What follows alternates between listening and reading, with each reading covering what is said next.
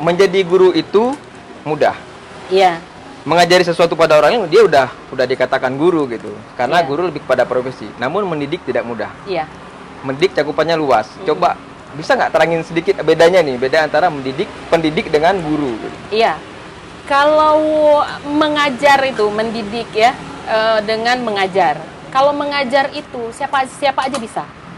Siapa aja bisa karena pada posisi mengajar dia cukup hanya terjadinya proses transfer of knowledge. Udah Vendra mau tahu tentang apa? Dua tambah dua ya sudah, dua tambah dua empat. Udah selesai. Nggak ada tanggung jawab lain setelah Tidak itu. ada tanggung jawab lain setelah itu. Tapi kalau mengajar, men- mendidik, mohon maaf tadi itu mengajar. Hmm. Kalau mendidik itu lebih dalam. Jadi harus yang kita sentuh itu karakter, yang kita hasilkan itu karakter, nilai gitu ya. Jadi tidak hanya dua tambah dua sama dengan empat, Hmm. atau misalnya kalau kita berbicara tentang alam itu, eh, matahari itu kenapa dia muncul? Ya untuk menerangi bumi, sudah itu saja sudah cukup sebenarnya. Itu sudah tertransfer ilmunya. Itu kalau mengajar. Tapi kalau mendidik panjang lagi ceritanya. Matahari itu untuk menerangi bumi. Nah, bumi ini yang ciptakan Allah. Anak-anak tahu nggak siapa Allah itu? Bagaimana dia bisa menciptakan? Jadi panjang urusannya. Dan selain itu ada nilai yang harus kita ciptakan. Budi pekerti, karakter. Hmm. Kita harus bisa menjadi suri toladan. Itu mengajar, mendidik. Makanya tidak semua orang bisa mengajar, tapi tidak semua orang kadangkala mampu untuk mendidik. Karena butuh yang namanya suri toladan. Diikuti baru bisa. Nah, hari ini kan jadi kendalanya ketika sekolah daring, Mm-mm. sekolah online dari rumah, kan proses mendidik itu jadi nggak ada nih. Iya, Bahkan mengajar pun jadi sangat betul. Malah- terkendala. iya cenderung sekarang guru ngasih tugas, walaupun sebenarnya guru-guru itu juga nggak suka, ini bukan pilihannya juga gitu kan. Nah proses ini kan jadi jadi sangat sangat kacau hari ini. Jangankan mendidik, mengajari pun sekarang sudah jadi kendala besar Iya. kayak gitu. Betul. Eh, makanya seminggu apa dua minggu yang lalu ya, saya buat di opini, saya nulis di opini dengan judul yang besar relasi orang tua dan guru gitu. Ya inilah saatnya. Jadi kalau kita mau bicara tentang itu, kita harus mulai bicara tentang tripusat pendidikan.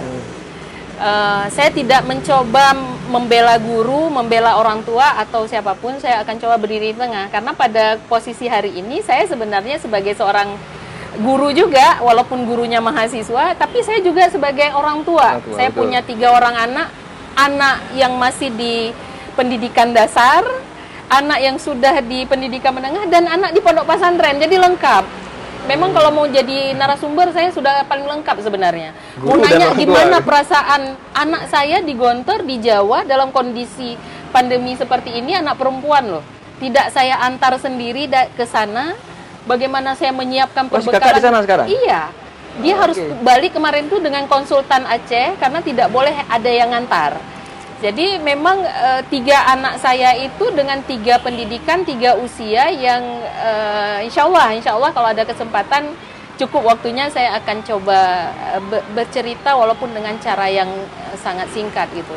Jadi kembali ke yang tadi Vendra tanya, kita harus melihat, harus sadar dulu, di pusat pendidikan itu ada tiga masyarakat, sekolah, kalau sekolah bicara sekolah itu adalah bicara guru, bicara kepala sekolah dan keluarga. Kalau bicara keluarga sebenarnya tidak hanya bicara orang tua, Tuh. tapi bicara tentang keluarga. Ya keluarga itu ada orang tua kita yang kebetulan tinggal bersama kita. Ada adik-adik kita mungkin, ada kakak kita, ataupun ada anak kita lainnya. Misalnya anak saya yang SMA karena saya pekerja, suami juga bekerja, akhirnya anak saya yang ketiga diambil alih kadangkala oleh kakaknya. Jadi Iya. relasi itu. Nah, kalau kita sudah paham bahwa tripusat pendidikan kita itu di tiga komponen itu, sebenarnya kita nggak usah terlalu ribut. Ini Vendra, ini sudah mas tanpa kita sadari, sadar atau tidak, ini kita sudah masuk tahun ajaran baru sudah dua minggu loh. Oh iya ya. Sudah Betul, dua betul, minggu betul. bahkan hampir sebulan. Nah kalau kita masih diributkan dengan kenapa sih nggak sekolah aja, kok masih di rumah? Sebagian itu itu orang tua yang mungkin bukan berani ya, bukan berani. tapi banyaknya problem yang dia Iya, hadapi betul. kalau belajar di rumah. Bukan berani, kita nggak ada yang berani. Karena nih melawan virus nih, kalau perang itu kan enak, kita konflik dulu kelihatan musuhnya Jelas kan musuhnya jelas. Kalau ini kan nggak jelas, nggak tahu kita siapa yang bisa jadi OTG gitu kan, atau PDP malah tapi dia masih sehat. Nah seperti itu. Nah eh, kembali lagi seperti yang saya katakan di awal tadi bahwa relasi dari tiga tripusat ini yang harus kita kuatkan dan sekaranglah waktunya. Dulu kita pernah mendengar bukan dulu sampai sekarang sebenarnya bahwa eh, ada istilah bahasa Aceh nih bahasa Aceh eh, menye urung tuha ke ane mesuk dia mita. Menye ane ke ma imu maharga gitu ya.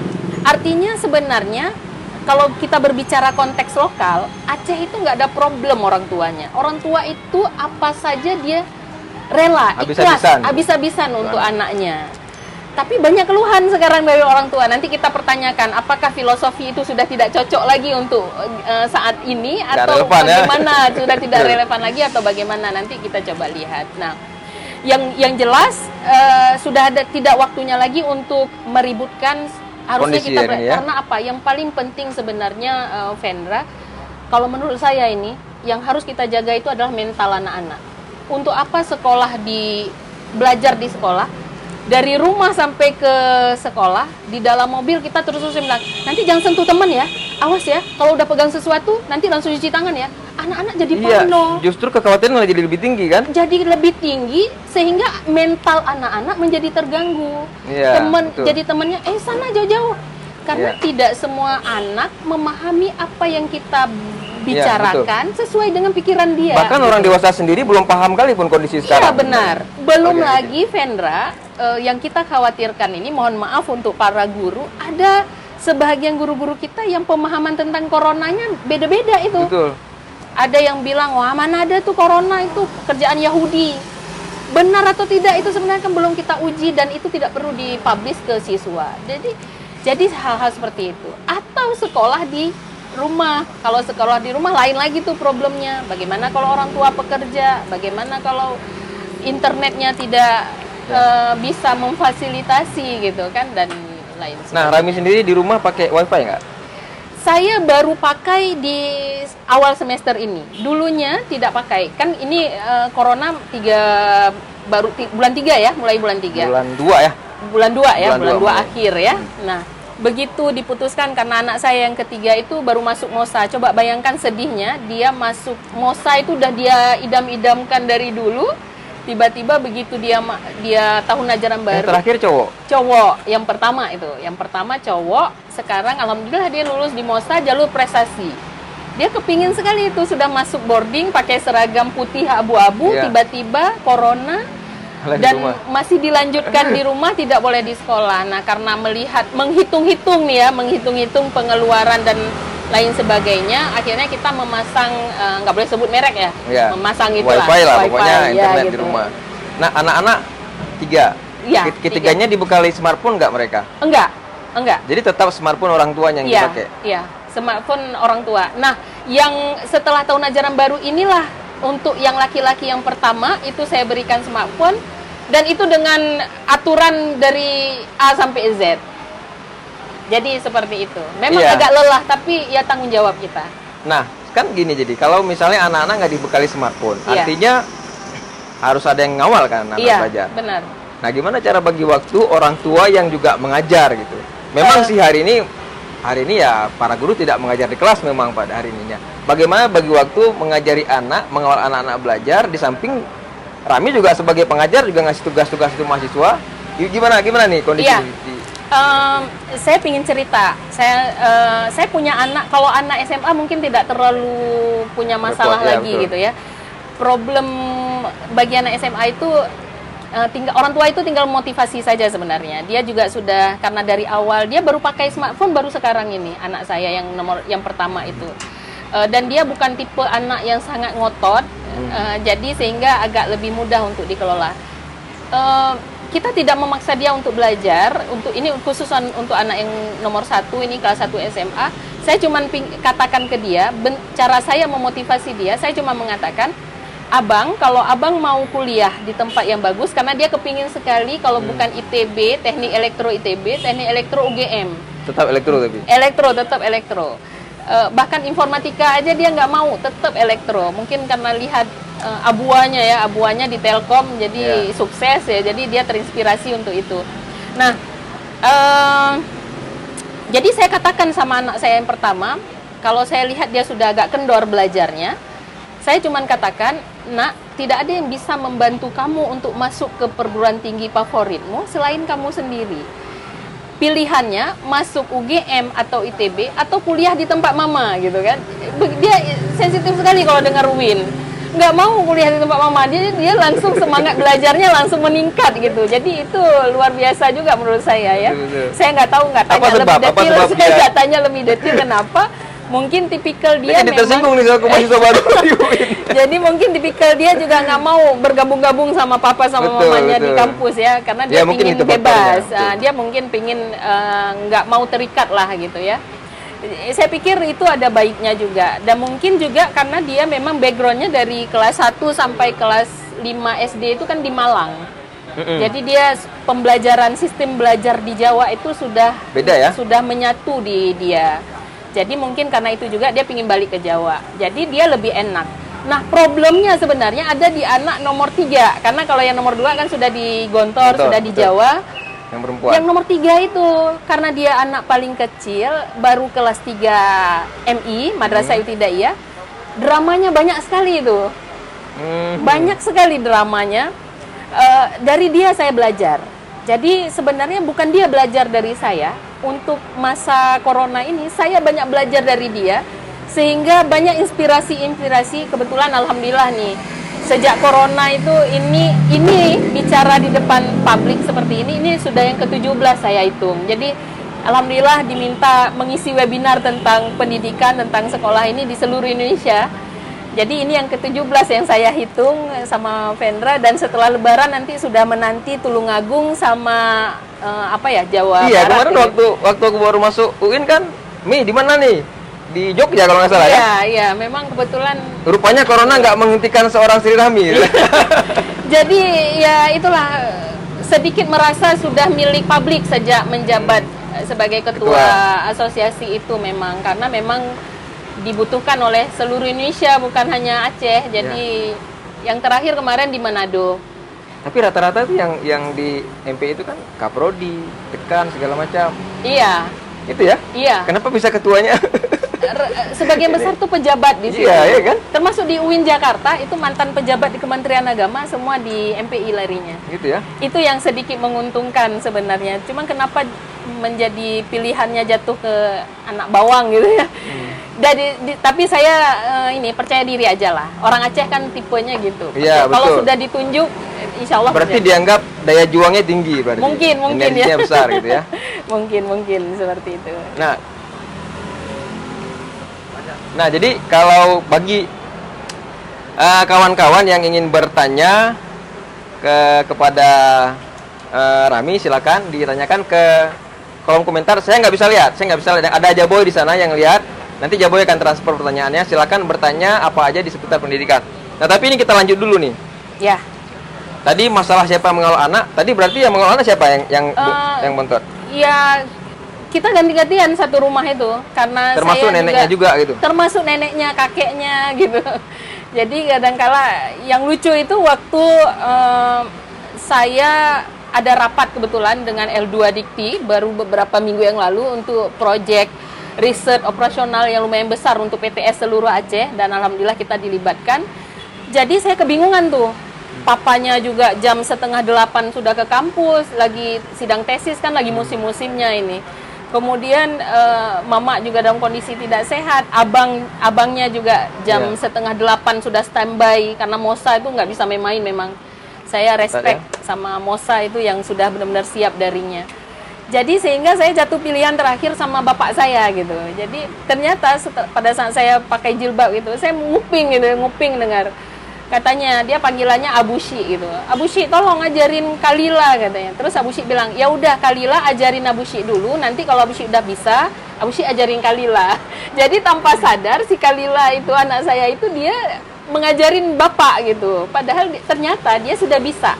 Ya itu tadi saya bilang dramanya banyak sekali. Jadi alasannya kalau di rumah itulah problemnya. Nanti saya di akhir mungkin atau kapan nanti mau kasih trik lah bagaimana membuat rumah itu Iya. serasa di sekolah gitu. Iya, iya itu nanti terakhir Iya, sol- iya, solusi iya, boleh, nanti boleh, ya. boleh. Nah ini kan masalah apa namanya mengawal anak di sekolah kan tentunya jadi tanggung jawab si, si rumah jadinya. Iya. Kalau memang di rumah itu ada beberapa orang atau ada keluarga yang dekat-dekat. Mm-mm. Tapi kan akan menjadi persoalan ketika dia nggak punya siapa-siapa Iya. gitu kan. Nah sejauh ini menurut Rami sebagai pakar pendidikan nih efektif nggak daring ini sebenarnya? Eh, kalau untuk eh, kalau untuk sekolah atas, menengah atas, sebenarnya sudah sudah efektif, sudah efektif. Yang penting sekolahnya mempersiapkan gitu. Misalnya di level SMA. Tapi kalau level sekolah dasar, apalagi kalau PAUD itu belum efektif sama sekali. Karena SDM kita belum belum belum bisa sampai iya ke justru situ. justru kan ada beberapa postingan di Facebook Mm-mm. justru jadi ketahuan yang guru-guru yang nggak punya kompetensi sama Iya, sekali betul, gitu kan betul, jadi ketahuan betul. itu jadi gesekan baru lagi loh Betul, karena eh, sebenarnya memang harus kita akui itu kita sadar semua. Saya kebetulan juga salah seorang yang ngajarin guru PLPG.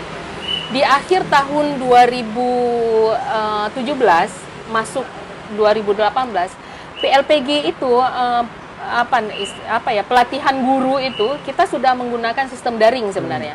Jadi sebenarnya seharusnya tidak ada cerita guru tidak masih ada yang gagap teknologi itu nggak ada cerita. Apalagi gurunya sudah lulus sertifikasi.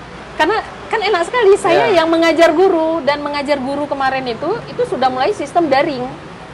Nah, kalau sekarang seperti ini tiba-tiba gagap teknologi lagi, kita harus pertanyakan kembali seharusnya nih ya Iya. kalau kita ngomong keras, seharusnya kita harus pertanyakan kembali. Loh, kok sekarang udah nggak bisa lagi padahal dulunya kemarin dibuat itu yang terakhir sudah udah, gitu. sudah sebenarnya. Ketidaksiapan menurut saya ya, kalau saya bisa kritik sebenarnya corona ini dari bulan 2 kalau kita hitung sudah berapa bulan? sudah bisa adaptasi harusnya Sudah adaptasi, sudah melampaui sebenarnya. 3, 4, 5, 6, 7, 8. Ini sudah masuk. Sebenarnya Ya. seharusnya dunia pendidikan itu geraknya harus lebih cepat dari Betul, dari betul. virus itu sendiri. Betul. Karena apa? Dua hari aja anak-anak eh, loss dari dari belajar, itu kebodohannya harus kita cicil perbaikannya dua tahun. Ya. Segitu parahnya sebenarnya. Ini sebenarnya kita sudah terjadi tsunami kebodohan. Bencana pendidikan Iya, sebenarnya. bencana pendidikan. Pendidikan kita sedang sakit. Saya tulis itu di opini kemarin itu. Jadi eh, kalau ditanya efektif tidak efektif, jelas tidak efektif karena memang em, apa ya? Kalau daring itu yang paling penting itu kan academic culture. iya Nah, kalau daring itu nggak muncul itu, tapi kita bisa siasati kalau memang tidak ada opsi pilihan lain selain daring. A- Bisa kita siasati sebenarnya supaya bisa terbentuk academic culture. kalau bicara academic culture artinya kan ada yang ada yang eh, establish ini seharusnya nah apakah apakah eh, academic culture ini udah menyentuh semua tenaga pendidik tenaga pengajar segala macam itu menjadi Udah problem paham? kita. Belum semua pendidik kita memahami academic culture. Misal contoh ya, eh, begitu kata pemerintah bahwa sekolah belum boleh buka dan pembelajaran jarak jauh harus dilanjutkan, belajar harus dari rumah, pembelajaran daring. Jadi dianggap oleh sebahagian nih, sebahagian tidak semua, sebahagian guru kita menganggap bahwa ngirim tugas lewat WA itu adalah pembelajaran daring. Padahal bukan. Padahal bukan itu. Kalau yang daring itu tetap terjadi proses pembelajaran sebenarnya.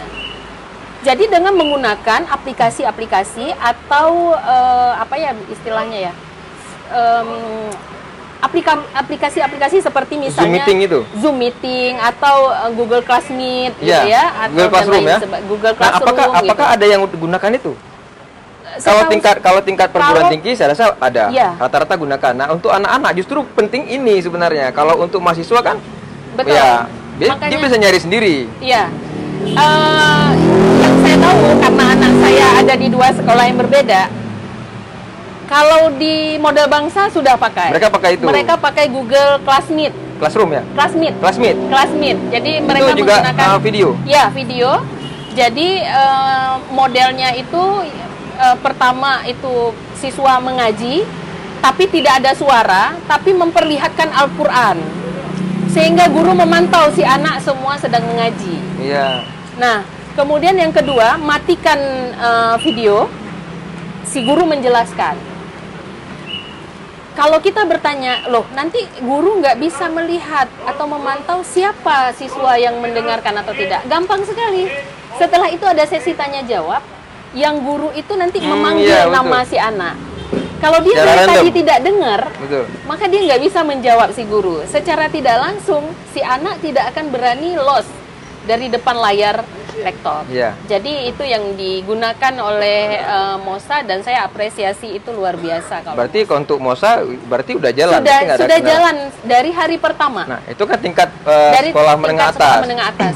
Nah, kalau sekolah dasar eh, itu belum jalan. Iya, harusnya kan Guru sekolah dasar dan ibtidaiyah iya. mereka yang harus seperti itu karena seperti tanpa itu. ada apa nama tanpa ada pengawalan, tanpa ada arahan-arahan, bahkan ada orang tua yang memang nggak paham apa pun gitu. Iya. Oke lah orang tuanya nggak nggak nggak buta pendidikan, dia melek pendidikan. Ada orang tua yang memang nggak nggak sama sekali ngerti Iya. pendidikan gitu kan jadi persoalan baru. Iya.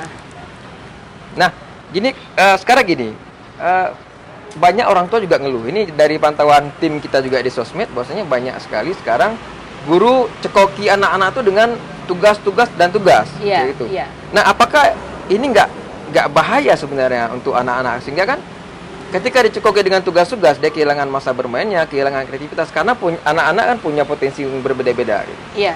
Nah, ketika dia dikasih tugas eh, beragam, bermacam-macam, dia akan lupa, bahkan akan kehilangan kehilangan bentuk dari potensi dia. Dia dia nggak akan bisa berkembang potensinya karena dia sibuk dengan tugas-tugas itu. Apa Iya. nggak bahaya untuk Iya. untuk anak-anak itu sendiri? Eh, bahaya sebenarnya, bahaya. Makanya sebenarnya dalam kondisi yang tidak ideal seperti ini, sekolah jangan berharap sesuatu yang ideal. Orang tua jangan berharap sesuatu yang ideal. Pemerintah juga seperti itu. Bisa ideal, alhamdulillah. Tapi kalau tidak bisa ideal, jangan terlalu muluk-muluk. Dan saya tidak setuju kalau ada guru yang coba kerjakan halaman sekian, belum selesai satu buku, kerjakan halaman sekian di buku yang lain. Apa yang mau dikejar? Itu terjadi nih. Dan itu terjadi, terjadi. saat ini, bahkan di kota Banda Aceh yang sebenarnya ibu kota provinsi itu terjadi. Seharusnya saya mau kasih mungkin bisa trik dan tips ya. Guru itu, orang tua itu tidak diminta untuk mengajar. Orang tua? orang tua nggak diminta dalam kondisi kalau ada guru sekolah yang meminta orang tua mengajar, dia salah itu. Dia boleh lapor. Karena tidak boleh tergantikan posisi guru untuk mengajar yang ngajar dia. Orang tua Betul. posisinya dia sebagai fasilitator. Memastikan bahwa anak itu belajar. Betul belajar, gitu. Betul belajar. Kemudian ya kedisiplinan anak saja untuk belajar. Makanya kalau saya itu eh, saya praktekkan di saya sendiri dan saya berharap orang tua juga seperti itu. Jangan anaknya dibiarkan tidur sampai jam 10 pagi karena nggak ada sekolah. Atau orang tua nemenin anak belajar tapi pakai daster. Jangan jangan gitu. Tetap Ciptakan suasana sekolah di tetap rumah. ciptakan. Kemudian bagi waktu anak untuk belajar gitu kan. Kayak di sekolah, kenapa di sekolah ada jam istirahat, di rumah nggak ada jam istirahat? Saya lihat eh, postingan salah seorang, saya lupa asal postingan awal dari mana itu, bahwa ada orang tua sampai mukul-mukul anak gitu. Wah, itu Oh ya? kalau terjadi sama guru, karena mungkin anaknya nggak bisa atau banyak Betul. dramanya kayak tadi gitu kan. Itu kalau terjadi sama guru udah dipidana tuh guru Iya. gurunya. Tapi ternyata orang tua juga ngajarin anak dengan Nggak- cara yang nggak- seperti lebih nggak sabar justru Kalau saya sabar. seperti ini, eh, teman-teman guru atau orang tua, kurikulum yang sudah disusun itu kurikulum yang sebelum corona, Iya. kurikulum yang sebelum perang. Begitu perang, kita harus ganti terus strategi. Harus cepat berarti. Harus cepat. Pendidikan itu harus cepat bergeraknya. Nah, Kalau bisa secara secara formal itu. nasional udah udah buat nggak pola-pola sampai saat adaptasi? sampai saat ini sampai malam kemarin saya eh, mendengar Nadiem Makarim dia sudah buat tapi bukan kurikulumnya dia masih membuat eh, apa ya seperti em, apa namanya kayak SOP ya eh, standar operasional prosedur untuk eh, belajar di rumah pada masa corona seperti ini pada masa pandemi belum ke kurikulumnya seharusnya dia menginstruksikan untuk seluruh Gerak cepat. dunia pendidikan kurikulumnya di set. Iya, Misal, betul. kita kasih contoh saja lah biar enak gitu ngomong. Di kelas 3 MI atau SD, Karena yang paling banyak problem saat ini adalah anak di Sekolah dasar. sekolah dasar. Di kelas 3 MI itu ada materi tentang makhluk hidup. Tidak perlu kirim ke WA orang tua, sebutkan ciri-ciri makhluk hidup. Tidak perlu. Guru dia tahu ciri-ciri makhluk hidup. Salah satunya itu adalah bergerak. Ciri-ciri Iya. makhluk itu hidup bergerak. Nah, dia perintahkan saja eh, kepada siswanya melalui orang tuanya karena sistemnya seperti ini. Bu, tolong anaknya atau dia buat video pendek, dia buat video pendek, anak-anak ibu sekalian, tolong tanam toge nanti mulai dari kacang nanti ditanam, nanti diperhatikan setiap pagi ya. Kemudian coba itu sedang terjadi apa? Ya. Dari kecambah jadi, kan- daun. Iya. macam. Sehingga anak yang punya IQ yang bagus dia akan berpikir, wah berkembang ya, hidup ya. Oh berarti i- tumbuhan juga makhluk hidup. Itu akan stimulan otaknya juga. Iya, gitu. dan itu tidak membosankan karena dia Betul. bergerak dari buku dan pulpen ke dunia luar, ke dunia Betul, taman. Betul. Atau misalnya tetap harus ada olahraga pagi, misalnya jam PJOK, eh, pembelajaran olahraga, tetap aja misalnya lari, ya suruh lari dia. Lari. Jadi buat video. Yang terjadi saat ini, Vendra, eh, guru membuat beberapa guru ya, saya nggak mau menyebut semuanya, masih ada sekolah dan guru itu kerjakan halaman 15 di buku A. Nanti kerjakan halaman 10. Gitu-gitu saja, semua Iya. kerjakan gitu. Iya.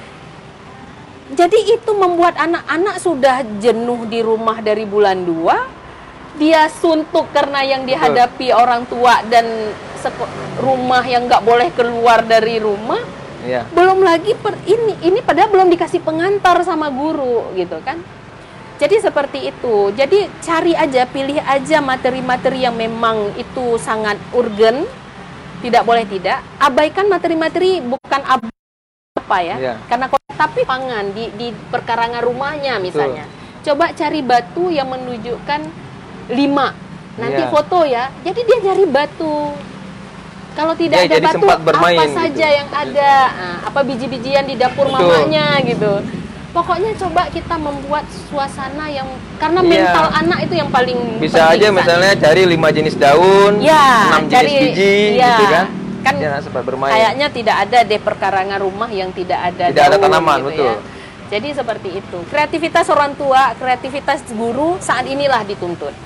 Kita sebelum corona itu paling sering saya beberapa kali diundang untuk mengisi parenting. Mm-mm. Parenting untuk orang tua gitu kan. Kapan gunakannya? Sekarang. Saat ini. Saat ini. Ini saatnya. Ini saatnya yang pernah ikut-ikut parenting sekaranglah eh, saatnya, saatnya gitu. diimplementasikan. Iya. Nah, jadi tadi kan perkara harus kirim-kirim foto bahkan video. Iya. Ini sebenarnya kan persoalan baru. Mm-mm. Persoalan ini mungkin bagi bagi orang tua nggak terlalu berat. Walaupun sebenarnya katakanlah satu foto itu 2 megabyte. Satu hari 10 foto, kita 20 megabyte untuk Iya. foto. Video rata-rata 100 megabyte. Kalau 10 video artinya 1 giga. Iya. Nah, bayangkan satu hari 1 giga, sebulan 30 giga untuk satu orang anak. Iya, betul. Bayangkan kalau guru mendownload semua video dari orang siswa 1 giga kali 40 siswa 40 giga dia download per hari Ya. berapa ratus giga dia perlu untuk betul. sebulan ditambah lagi dia uh, kirim-kirim video anaknya ke guru anaknya ini kan jadi persoalan baru. Eh, betul. Makanya eh, di sini tidak hanya peran guru yang dituntut, tapi kepala sekolah juga harus punya eh, apa ya inovasi-inovasi yang yang bagus gitu ya. Eh, sebenarnya pemerintah nih, pemerintah eh, geraknya juga harus cepat. Artinya kenapa sih tidak ada pendataan dari pihak pemerintah gitu? Misalnya kalau kita di Banda Aceh wali kota, seharusnya data dong. Siapa orang tua orang tua yang tidak mampu membeli paket data? Itu harus didata.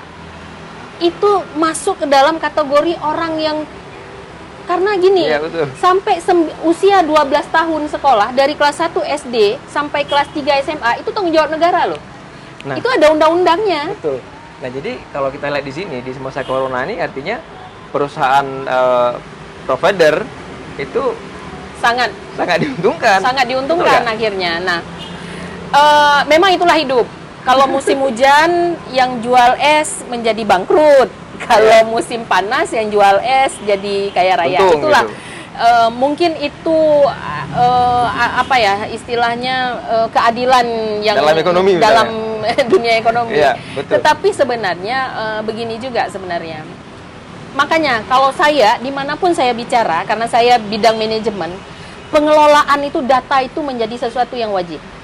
Sekarang coba kita lihat berapa sekolah yang sudah punya data, orang tua pekerja berapa orang, orang tua yang tidak cukup untuk beli paket berapa orang, orang tua yang tidak ada siapa pun di rumah. Betul. Sekarang eh, Vendra, coba bayangkan, anak-anak nggak boleh sekolah, tapi pagi anak-anak dibawa ke kantor orang tua Iya. karena nggak ada penitipan, nggak ada sekolah, anak orang tua harus bekerja, anak bawa ke sekolah, ke ke kantor. Bagaimana kalau terjadi Betul. penyebaran virus di situ? Lebih parah lagi, sekarang kan misalnya kayak eh, orang tuanya kerja nih. Kan Hmm. Kita di di Aceh di, di kampung-kampung, beda sama kota besar. Kalau kita di di Aceh masih ada tetangga-tetangga yang bisa dititipin anak. Iya betul. Nah, bahkan satu rumah tetangga itu bisa sampai 20-an anak loh di situ main Mm-mm, karena orang tuanya lain nggak nggak nggak ada kan, nggak ada nggak ada di rumah. Nah, ini justru lebih lebih parah. Ya kan? Satu rumah itu jadi tempat ngumpulnya bocah-bocah, mereka main segala macam iya, gitu. iya. Makanya kalau benar tidak benar-benar difikirkan dengan matang, kita sebenarnya hanya menunggu waktu saja. Terjadinya transisi lokal itu ya seperti itu. Bagaimana kita bisa memastikan anak tetangga kita itu tidak Aman gitu ya. Ya aman saja tidak terkontaminasi. Sedangkan dia di rumah juga punya teman gitu Iya. kan. Kalau menurut saya, makanya saya bilang dari awal, data itu menjadi sebuah keharusan. Sekolah itu harus mendata yang gitu. Kalau sudah dia data, maka nanti sudah enak pemetaan masalah. Misalnya contoh ya, contoh. Saya dua berdua dengan suami itu kan dua-dua bekerja dan dua-dua punya jam ritme kerja yang sama. Pagi sampai kadang-kadang sampai sore apalagi musim sidang mahasiswa seperti sekarang.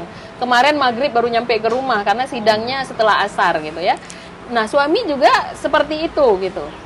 Nah oke saya punya orang tua di rumah. Bagaimana kalau orang yang tidak punya orang tua? Maka kalau sudah didata oleh pihak sekolah sekolah jangan ngotot bahwa pembelajaran harus terjadi pagi hari. Pagi biarkan anak-anak bermain. Kapan orang tua punya waktu untuk memperlihatkan video gurunya atau mengerjakan tugas? Malam habis maghrib malam. Yang penting anak tetap harus dikontrol. Betul, betul. tetap harus dalam pengontrolan.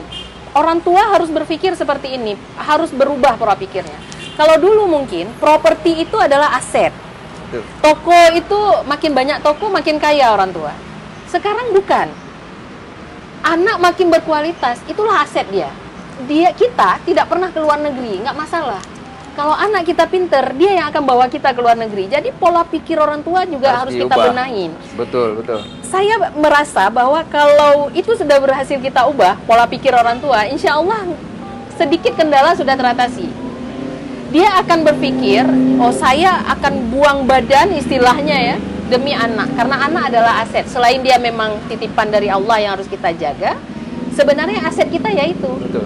Tapi nggak semua orang tua bisa berpikir semua, kayak makanya gitu. saya bilang sudah saatnya kita mengubah pola pikir. Kenapa sih kita selalu mengatakan wah sibuk sekali saya nggak sempat gitu Iya. ya, padahal Seolah-olah anak jadi beban gitu ya. betul. Sehingga itu juga yang dikeluarkan oleh beberapa meme ya, meme candaan guru-guru. Nah, sekarang rasakan kan gimana capeknya kami mengajar. Seharusnya tidak perlu ada Iya, kata-kata. betul. Kalau masing-masing berperan di posisinya masing-masing, setelah didata ternyata ada lima anak yang orang tuanya dari pagi sudah jualan sayur di pasar. Iya. Nah, anak lima orang ini yang dibawa ke sekolah dengan protokol kesehat kesehatan yang benar-benar ketat. Kalau memang sangat rawan satu kelas satu anak, kan ada enam kelas. Enam kelas itu rombelnya kadang-kadang kelas satu aja sampai lima. Iya. Kelasnya kan banyak Iya. bagi waktu. Tapi ngajarnya tidak boleh membedakan dengan anak yang di rumah. Nanti akan jomplang pemahamannya. Hmm. Yang ke sekolah jadi pinter, yang di rumah jadi nggak pinter. Itu hanya khusus untuk anak yang orang tuanya buruh kasar. Iya. Buruh kasar yang harus pergi sebelum subuh, dia pulang sudah selesai proses pembelajaran. Iya, kayak ada kemarin yang di Ditampung. Jakarta saya lihat ini apa? Anak ini karena orang tuanya nggak punya smartphone, Iya. dia belajar sendiri di sekolah. Iya, Dan iya. gurunya rela ngajarin dia. Mm-mm. Ya harus seperti itu. Nah, itu kita di sini data. di sini kan banyak. Betul. Kalau di satu di sini banyak. Nah, udah ada yang nanya? Kalau ada, ada yang nanya, kita persilakan dulu nih.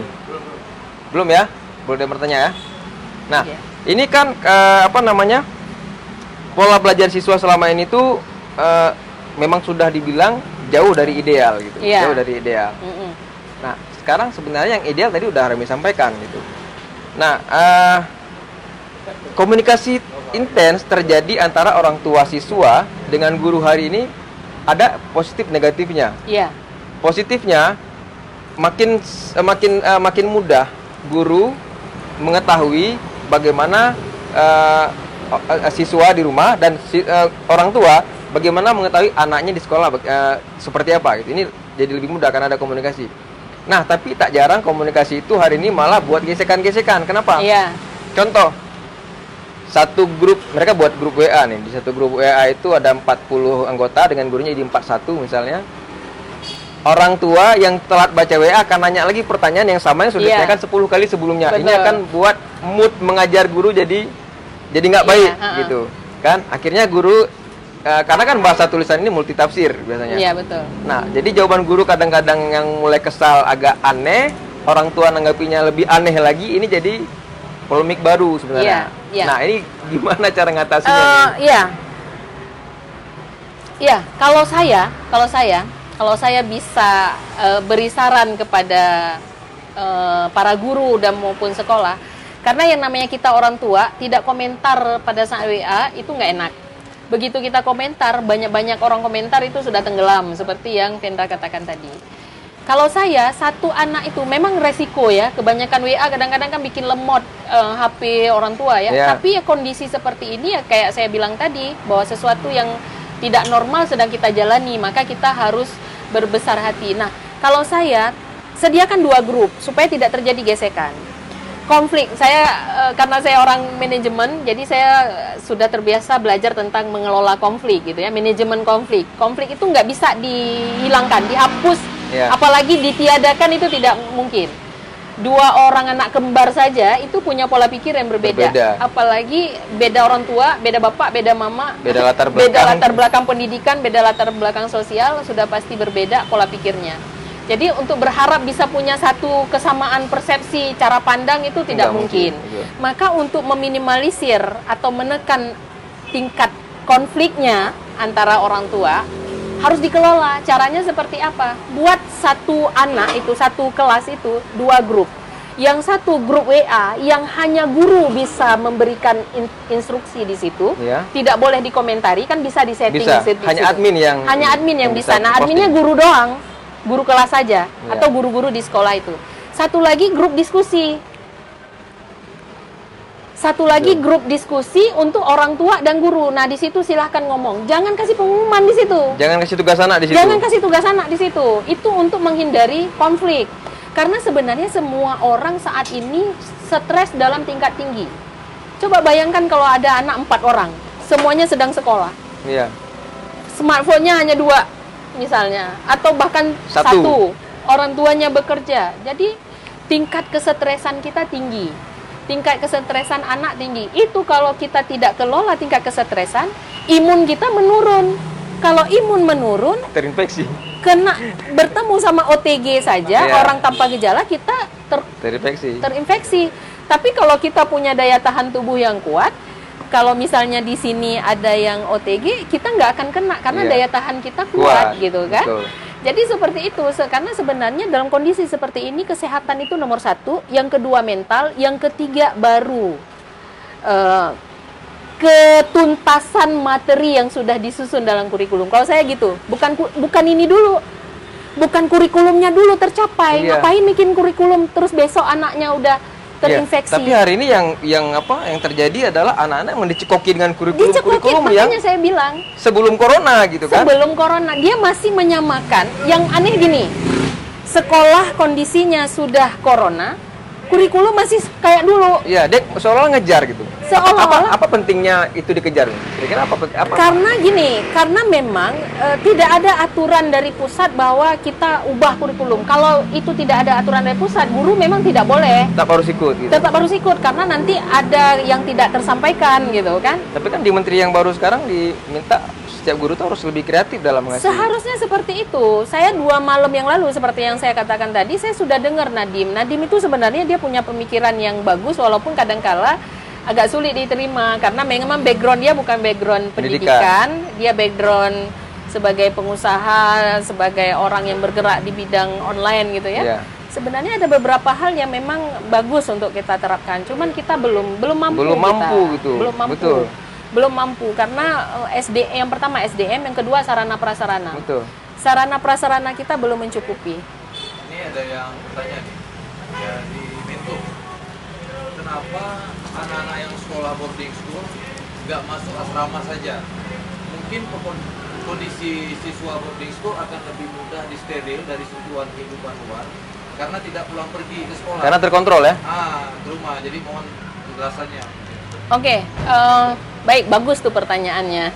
Eh, boarding school dengan pesantren itu berbeda. Bedanya, walaupun sama-sama Mondok gitu. mondok nginap. tidak pulang ke rumah gitu.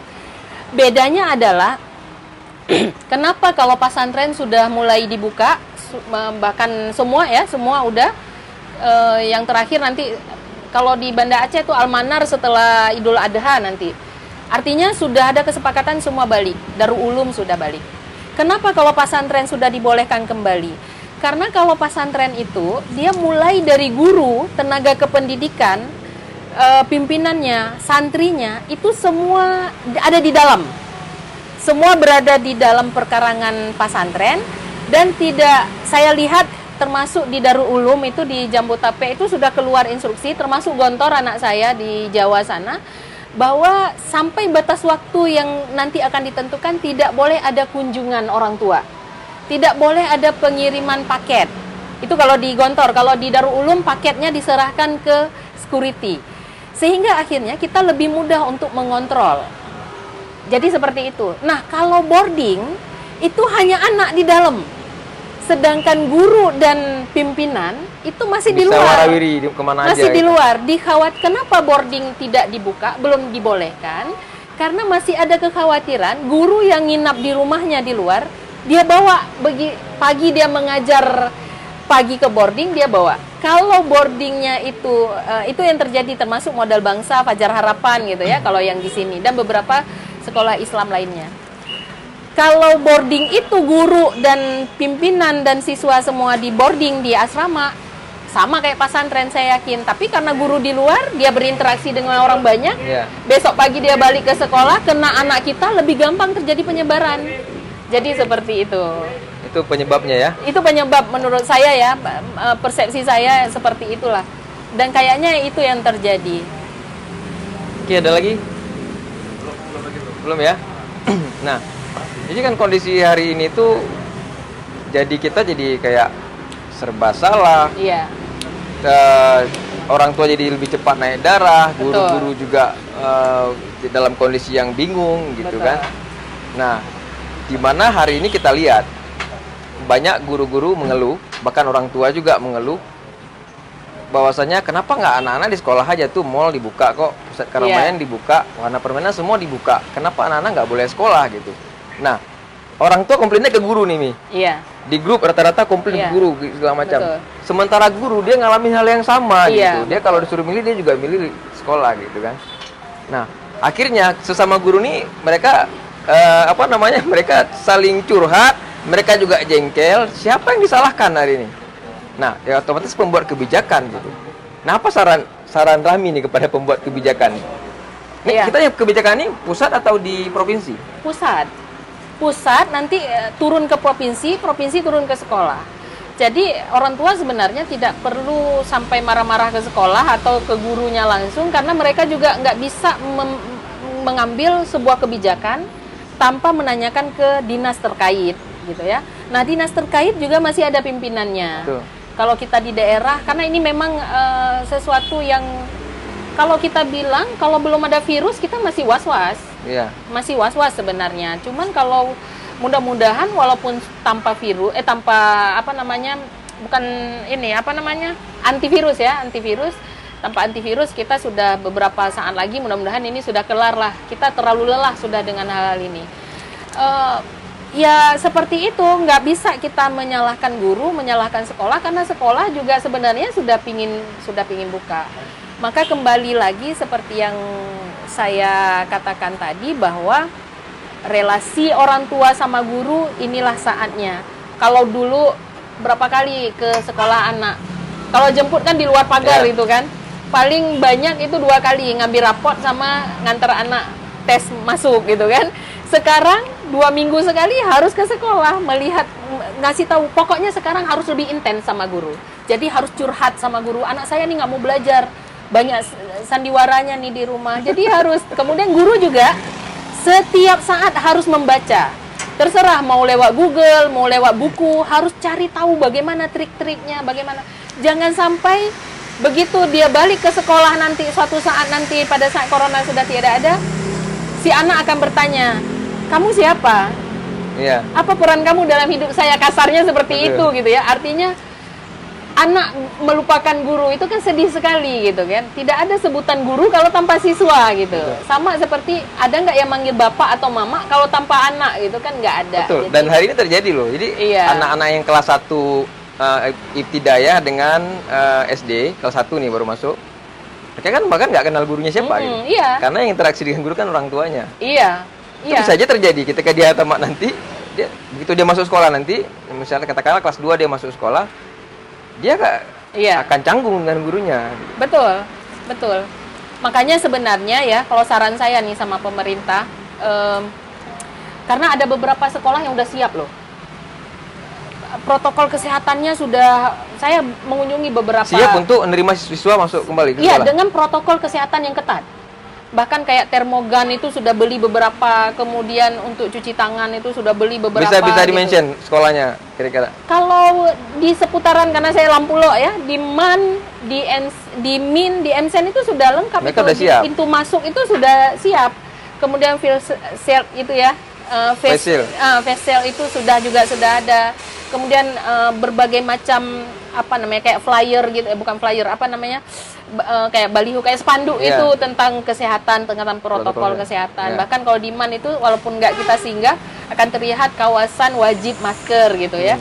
Eh, jadi sebenarnya ya coba coba mungkin pemerintah harus lebih menimbang-nimbang kembali kalau memang untuk beberapa sekolah yang sudah siap biar diterapkan terus tapi dengan Iya. protokol yang benar-benar kemudian kerjasama dengan pihak puskesmas atau rumah sakit bahkan kalau saya memang harus buang duit ini pemerintah apa buang duit kalau biasanya satu kelas kalau memang ma- masuk ya kalau memang masuk sekolah ini eh, kalau biasanya satu kelas itu dua orang guru guru utama dan guru pendamping kalau perlu sekarang tambah, Tambah. buang duit jadi empat jadi masing-masing deret itu untuk kelas rendah untuk Iya. kelas 1, kelas 2 itu kan dia belum punya persepsi yang pas sekali itu kan iya satu deret bangku itu satu guru.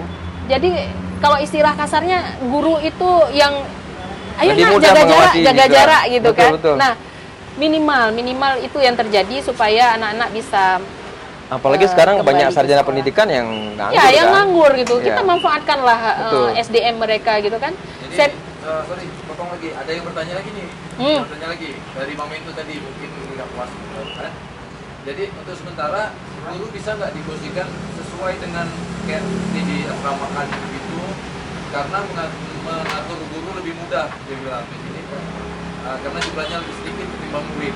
Bisa nggak? Maksudnya ya misalnya school tadi. Iya, iya. gurunya juga Ah, di gurunya- sekolah gitu Iya, iya, iya. Kendalanya nanti di kesiapan sekolah untuk menampung guru-guru itu. dan memberikan fasilitas Ya, mereka. memberikan fasilitas seperti asrama misalnya ya. Kalau yang saya tahu kalau di Banda Aceh itu kan Fajar Harapan, kemudian Modal, Bangsa, dan SMA 2 eh, SMA 2, kemudian Man Model gitu ya. Nah, beberapa sekolah itu itu tidak ada rumah untuk eh, ditempati oleh para guru. Katakan saja Man Model. Man Model itu MAPK tidak ya? ada tidak ada memang rumah-rumah seperti kalau di pesantren pekarangannya itu memang disediakan untuk ustazah dan Ya. ustadz gitu dan pimpinan itu nanti kesiapan eh, kesiapan sarana dan fasilitas sekolah yang untuk menampung guru itu yang belum ada. Kalau memang ada, saya sepakat seperti Bapak karena anak saya juga boarding satunya kan dia sudah ingin sekali masuk. Tapi ya kondisi, makanya saya bilang ini corona ini benar-benar memberi pembelajaran bagi pimpinan, bagi pejabat tinggi negara mulai dari ref- re- apa level presiden, menteri, kemudian gubernur untuk bagaimana setiap detik itu berpikir, nggak bisa berhenti karena tapi sampai ini sampai saat ini ada nggak formula yang yang pas sesuai dengan kondisi covid ini? Ada ada nggak? Ya Rami sendiri punya nggak di kepala formulanya? Kira-kira seperti apa sebenarnya? Kalau saya memang eh, karena ini seperti saya katakan tadi, ini virus sesuatu yang kita tidak bisa lihat, kita tidak bisa pantau, maka memang sebenarnya kalau memang belum ditemukan vaksin untuk virus itu masih rawan, tetap masih rawan. Jadi kalau saya solusinya yang paling tepat itu adalah menjadikan rumah seperti sekolah dan di saat balik ke sekolah nanti sekolah itu senyaman rumah. Kalau saya dua itu, rumah kita jadikan seperti sekolah dan sekolah itu bisa senyaman rumah nantinya kalau kembali. Karena ada juga kenapa muncul sekolah ramah anak? Karena ternyata banyak sekolah tidak ramah anak. Sehingga Betul, muncul betul. program sekolah ramah anak. Maka corona ini memberi kita pembelajaran bagaimana caranya kita menciptakan rumah seperti sekolah. Artinya apa? Saya catat beberapa. Kita setting tempat rumah. Jangan biarkan anak belajar di dalam kamar. Anak itu tetap harus bangun pagi walaupun dia tingkat SMA. Jangan biarkan dia misalnya mah mau ke warung kopi, jangan dulu. Apa bedanya ke warung kopi sama ke sekolah? Betul. Jadi seperti itu. Ketegasan itu kunci, bukan kekejaman ya. Beda kejam dengan tegas. Kalau tegas itu insya Allah diikuti, tapi kalau kejam di belakang nanti akan diabaikan. Iya. Cari-cari begitu emaknya pergi, bapaknya pergi, dia juga pergi. Iya. Itu kalau kejam. Awas ya. Nah, kalau udah kata-kata awas itu kejam. Tapi tegas yang dibutuhkan. Nah, ciptakan suasana rumah itu benar-benar sebagai seperti sekolah. Bangunnya tetap dan punya ritme belajar yang tepat. Punya ritme, jangan terus-terusan, jangan dur. Kemudian sediakan makanan seperti di sekolah. Jam 10 dia istirahat. Ya sudah, Makan, bunyikan bunyikan bel di rumah walaupun dengan alarm HP. Iya. Bunyikan bel di rumah. Kemudian begitu bunyi dia boleh. Kalau anak kita usia sekolah dasar, sediakan cemilan-cemilan sehat yang bisa dia makan. Dan itu dalam bentuk cemilan seribu-seribuan itu. Jadi dia berasa bahwa oh dia tetap enjoy, dia Sekolah, tetap betul. sekolah. Nah, kalau untuk anak yang SMA, sediakan cemilan-cemilan yang dibuat oleh orang tuanya sendiri atau dia beli. Kemudian eh, yang selanjutnya eh, eh, jauhkan benda-benda yang membuat dia tidak fokus, misalnya televisi, radio. Untuk sementara di jam belajar, katakanlah jam 8 sampai jam 12, matikan televisi. Kalau perlu tutup pakai kain. Kalau anaknya bandel ini ibu cabut gitu kan. Saya yakin orang tua punya trik sendiri Cara masing-masing, menghadapi betul. karena dari sejak lahir kan nggak langsung ke guru. Iya. Ada nggak anak yang begitu dilahirkan langsung dikasih ke guru kan nggak? Iya. Sampai umur lima tahun kita yang yang asuh, artinya kita sedikit banyak udah tahu karakter dia. Tumbuh gitu kembangnya ya kan? sama dia, gitu. Dia yang paling kembang- paham. Kenapa sekarang malah kita mengeluh gitu? Kemudian kejujuran. Pada saat kita tahu bahwa kita tidak mampu pe- pelajaran yang diberikan oleh eh, Guru. guru atau sekolah, segera melapor. Dan pihak sekolah juga harus benar-benar peka dan cepat. Cepat tanggap gitu ya. Cepat tanggap artinya begitu ada respon laporan jangan malah ditandain anaknya, oh, berarti anak ini nggak pinter. Jangan seperti itu, itu juga salah sehingga orang tua nggak mau melapor nanti dianggap anaknya nggak pinter Betul. gitu. Tapi dibeli treatment yang lebih bagi orang tua yang memang mungkin tidak well educated ya kalau istilah kerennya gitu ya. Orang tua yang tidak punya pendidikan yang tinggi nggak masalah. Kenapa harus dijudge anak? Satu yang harus dipahami bahwa anak itu seperti apa orang tuanya. Cerminan orang tuanya. Anak itu cerminan orang tuanya. Jadi eh, sebenarnya gampang sekali kalau guru mau menilai anak, lihat aja gimana karakter orang tuanya dalam beberapa bulan ini. Jadi seperti itulah eh, anaknya. Saya pikir kalau eh, kita benar-benar ingin anak itu sebagai aset masa depan kita, kita akan buang berlian kita, kita akan buang emas kita, dan lagian sekarang tidak sekolah, setengah duit jajan dia kan nggak kita pakai. Biasanya kalau mau berangkat sekolah kita kasih paling sedikit itu 5 ribu, 10 ribu. Gunakan itu untuk paket data. Gunakan itu paket data. Kalau tidak ada, lapor ke wali kota kalau tingkat kota, lapor ke bupati kalau tingkat kabupaten. Saya pikir itu semua ada solusinya. Karena pemerintah, ya itu tadi saya katakan, usia eh, 12 kelas 1 SD sampai kelas 3 SMA itu masih kewajiban pemerintah untuk pendidikan anak. Jadi secara undang-undang kita bisa tuntut negara kalau memang negara mengabaikan pendidikan Hak anak. mereka ya. Itu Hak- hak, yang hak ditanggung oleh negara pendidikan. Kalau udah S1 itu yang baru urusan masing-masing. Jadi seperti itu. Tapi kalau masih SD kelas 1 sampai kelas 3 Sampai masa sekolah ya. Ini ada di- dari Arianto Hil. Ah, ini mungkin Bapak Arianto ini dia kelihatan khawatir ya dengan dengan kondisi hari ini karena gini, dia bilang di sini artinya orang tua ada tuntutan untuk bekerja dan juga memenuhi eh, biaya-biaya eh, pendidikan Iya. seperti pulsa dan segala macam paket internet, HP dan segala macam. Nah, dia khawatir soal tingginya angka putus sekolah anak-anak sekolah di terutama di daerah-daerah terpencil ya. Nah itu bagaimana kira-kira eh? Ya kalau kalau boleh nambahin sedikit lagi itu menarik Pak Arianto ya. Iya. itu menarik karena gini. Selain itu tadi juga sekarang kan banyak orang tua yang sibuk bekerja dan nitipkan anaknya di PAUD, Mm. di TK. Oke lah kalau negeri. Ini kalau yang swasta ini kan tinggi biayanya. Iya, tinggi biayanya. Biaya, biaya, bayar biaya tinggi tapi dia rawatnya anaknya sendiri gitu. Iya, Malah iya, dia betul. sip-sipan sama istri ngantor gitu kan. Nah, ini gimana solusinya? Iya, sehingga muncul kok harus bayar sekolah sih karena padahal kami ngajar sendiri gitu. Satu yang harus dipahami oleh orang tua bahwa eh, biaya operasional sekolah gimana pun kondisinya itu tetap berjalan. Misalnya pesuruh sekolah, dia tetap harus dibayar walaupun dalam kondisi seperti ini kan nggak mungkin dia ninggalin sekolah. Dia tetap akan menyapu sekolah. Apalagi sekolah swasta. Kalau sekolah negeri, gurunya itu sudah dibayar oleh negara kalau sekolah swasta yang bayarin gaji gurunya itu adalah Siswa, gitu. SPP siswa. Gitu. Makanya supaya tidak komplain orang tua, sekolah harus memberi benar-benar yang ya dalam tanda kutip ya, excellentnya excellent masa corona gitu. Jadi bukan excellent masa normal. Nah, kalau e, berangkat dari pertanyaan tadi itu ya ya seperti yang saya katakan tadi, kita bisa menuntut pemerintah, kita bisa menuntut negara kalau negara abai terhadap orang-orang miskin yang tidak mampu membiayai anaknya sehingga anaknya putus sekolah. Itu undang-undang berapa itu ya? Eh, Oh, ada- pendidikan ada dalam undang-undang Ada, pendidikan? Ada undang-undang dasar Republik Indonesia. Berarti bisa lah ya ke ombudsman untuk Iya bisa, Menuntut bisa, hak-hak. bisa. Untuk ombudsman bisa itu. Kalau Bahwa kalau Rami lihat hari ini peran pemerintah sendiri bagaimana? pem- pemerintah belum utuh hadir untuk pendidikan anak-anak Justru kita di masih corona. gampang kayaknya ya? Iya, kita masih sibuk bicara tentang ya nggak salah sih seharusnya seharusnya kesehatan ngomongin kesehatan. Biar dokter percayakan ke dokter percayakan ke tenaga Bidangnya, kesehatan. bidangnya. yang pendidikan mikir pendidikan jangan orang pendidikan juga ngomong tentang Kesehatan penularan gitu. corona gitu. Jadi Betul, salah betul. kaprah. Akhirnya ngurusin pekerjaan orang. Job desk-nya itu yang belum jelas di negara kita. Mohon maaf menurut saya job desk job desk kita belum terlalu jelas. Kadang-kadang dokter ngomentari pendidikan yang pendidikan ngomentari Iya.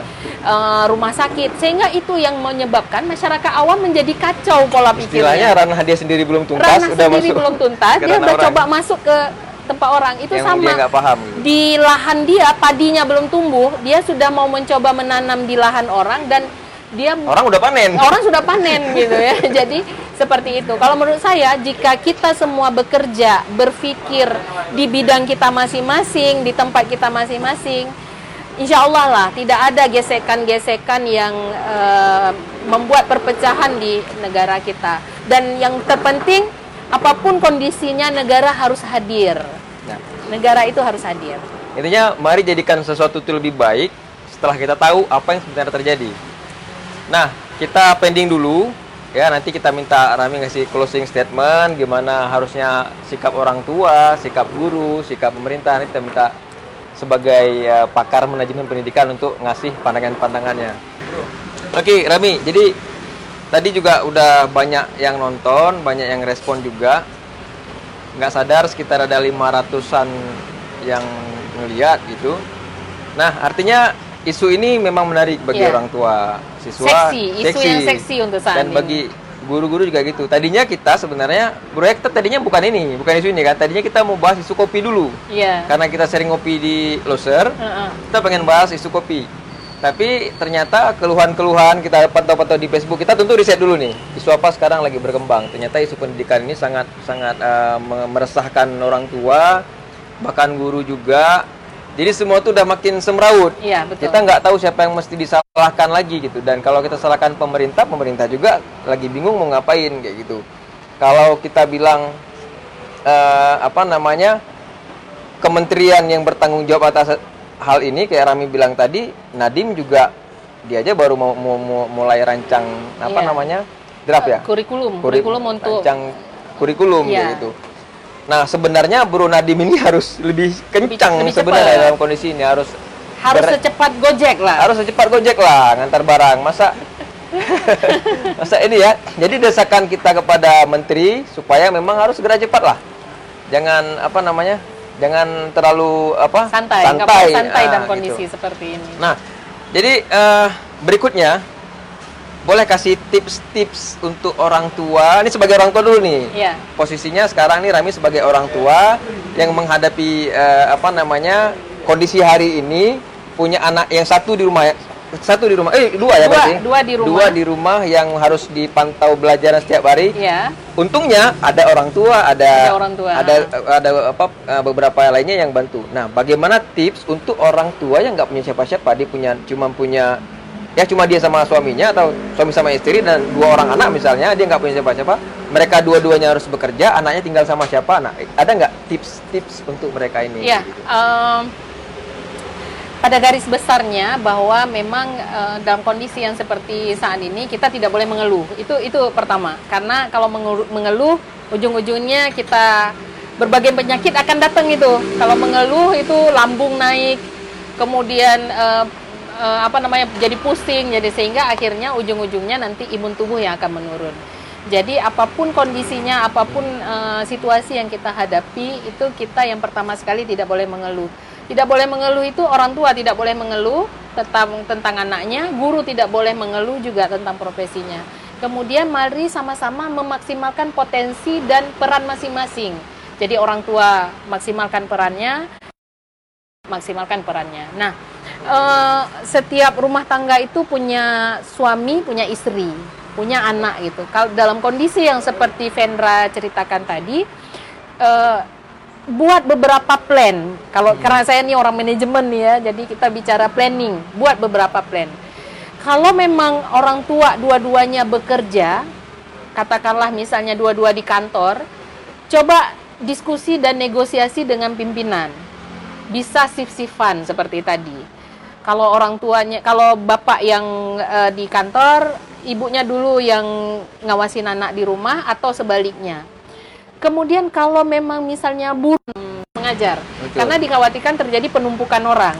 Tetapi sekolah tetap buka. Itu kunci positifnya, sekolah tetap buka. Maka untuk jenis-jenis pekerjaan orang tua yang seperti ini yang memang tidak ada tempat penitipan di rumah Iya. dan dia harus bekerja kalau nggak nggak bisa makan, maka pihak sekolah harus mengakomodir itu. Loh, tapi gini loh. Ada ada ancaman dari pihak Dinas Pendidikan bahkan Mm-mm. kalau ada sekolah yang menerima murid, mereka akan di Ya, sanksi. menerima murid tidak dalam konteks belajar seperti biasa, Hmm. Tapi menerima murid sekarang atau kita tanya kondisi deh. tertentu ya. Iya, dalam kondisi tertentu. Makanya data tadi itu penting sehingga pada saat ada pemeriksaan atau inspeksi atau supervisi kalau bahasa pendidikannya, ada supervisi dari dinas ke sekolah. Ini kenapa ada anak-anak? Kita bisa tunjukkan data. Anak ini bekerja orang tuanya atau anak ini eh, tidak punya smartphone atau anak ini punya kendala masalah paket data. Bisa saja kalau misalnya dia punya smartphone tapi nggak bisa beli paket. Bisa, Sekolah itu betul. ada internet. Setiap sekolah sekarang sudah ada wifi. Betul. Nah, dia bisa duduk di posisi-posisi tidak harus di dalam kelas Betul. karena kan tidak banyak anak yang seperti itu, tidak banyak anak. Satu sekolah kalau ada anak 100 paling misalnya 30. Dengan ju- luas eh, pekarangan sekolah jangan ditentukan dalam satu kelas, tapi biar aja anak duduk di mana saja, tapi dia tetap mengerjakan pekerjaan sama dengan anak yang di rumah. Yang tidak boleh terjadi perbedaan anak yang datang ke sekolah dengan di rumah. Kalau seperti Betul. itu akan masalah muncul lagi nanti. Apa? Semua mengatakan bahwa orang tua kerja Betul, ya. karena dia melihat enak sekali ya anak yang sekolah Yang sekolah, yang pergi betul. ke sekolah. Jadi orang eh, guru itu perlakuannya harus sama. Guru mulai dari sistem proses pembelajaran sampai evaluasinya harus sama antara anak yang dititipkan di sekolah dengan anak yang belajar di rumah harus sama. nggak boleh nanti pemahaman anak di sekolah lebih tinggi daripada anak di rumah. Di rumah. Kalau seperti itu, itu namanya gali lubang tutup lubang. Kalau kata penyanyi dangdut itu. Jadi kita tutup satu masalah, kita buka Muncul masalah, masalah baru. masalah baru. Jadi eh, seperti itu kerjasama, relasi itu menjadi penting dan eh, pemerintah itu yang menjadi eh, titik poin sebenarnya kesuksesan pendidikan di masa corona ini. Selain para guru, orang tua, pemerintah menjadi Tapi kalau penting. pihak sekolah juga nggak membuka ruang untuk itu kan orang tua jadi bingung mau ke mana. Sekarang kan kalau kayak Armi bilang tadi eh, buka komunikasi sama orang tua. Bahkan yang yang punya kendala-kendala seperti ini biasanya orang tua orang tua yang tingkat pendidikannya lebih rendah. Iya, betul, Biasanya, betul. ya kan? Betul. Terus tingkat keberaniannya untuk menyampaikan pendapat juga lebih Iya, rendah kayak gitu. Nah, siapa kemudian orang-orang yang mengedukasi mereka atau menyampaikan mereka bahwasanya ini bisa loh. Bahkan pihak sekolah sendiri mereka nggak nggak ngasih ruang untuk itu. Gitu. Iya. Eh, makanya butuh yang namanya data. Tetap saya ngomongnya tetap data karena eh, kalau kita bicara pengelolaan itu bicara data kita sebenarnya. Kalau memang ada orang tua yang pun- tidak berani punya keberanian seperti yang Venda ceritakan, di situlah peran sekolah. Nah, kalau seharusnya sekolah yang benar itu, yang sistem pengelolaannya sudah benar itu, pertama masuk itu biodata anak itu lengkap. Orang tua itu Betul, tingkat ya. pendidikannya eh, mana itu kita data sekarang.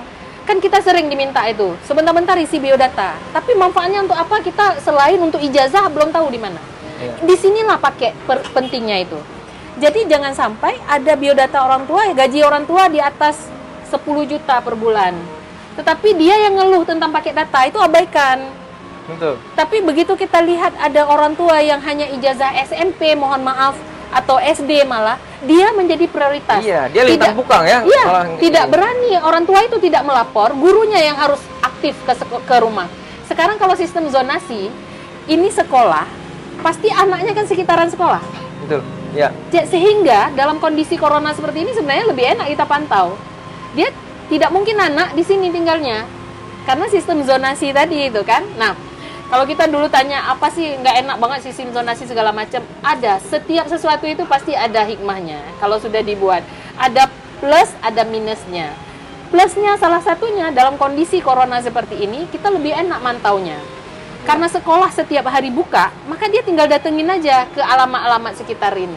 Yang memang betul-betul perlu. Yang memang betul-betul perlu. Dari mana kita tahu perlu? Dari biodata si anak.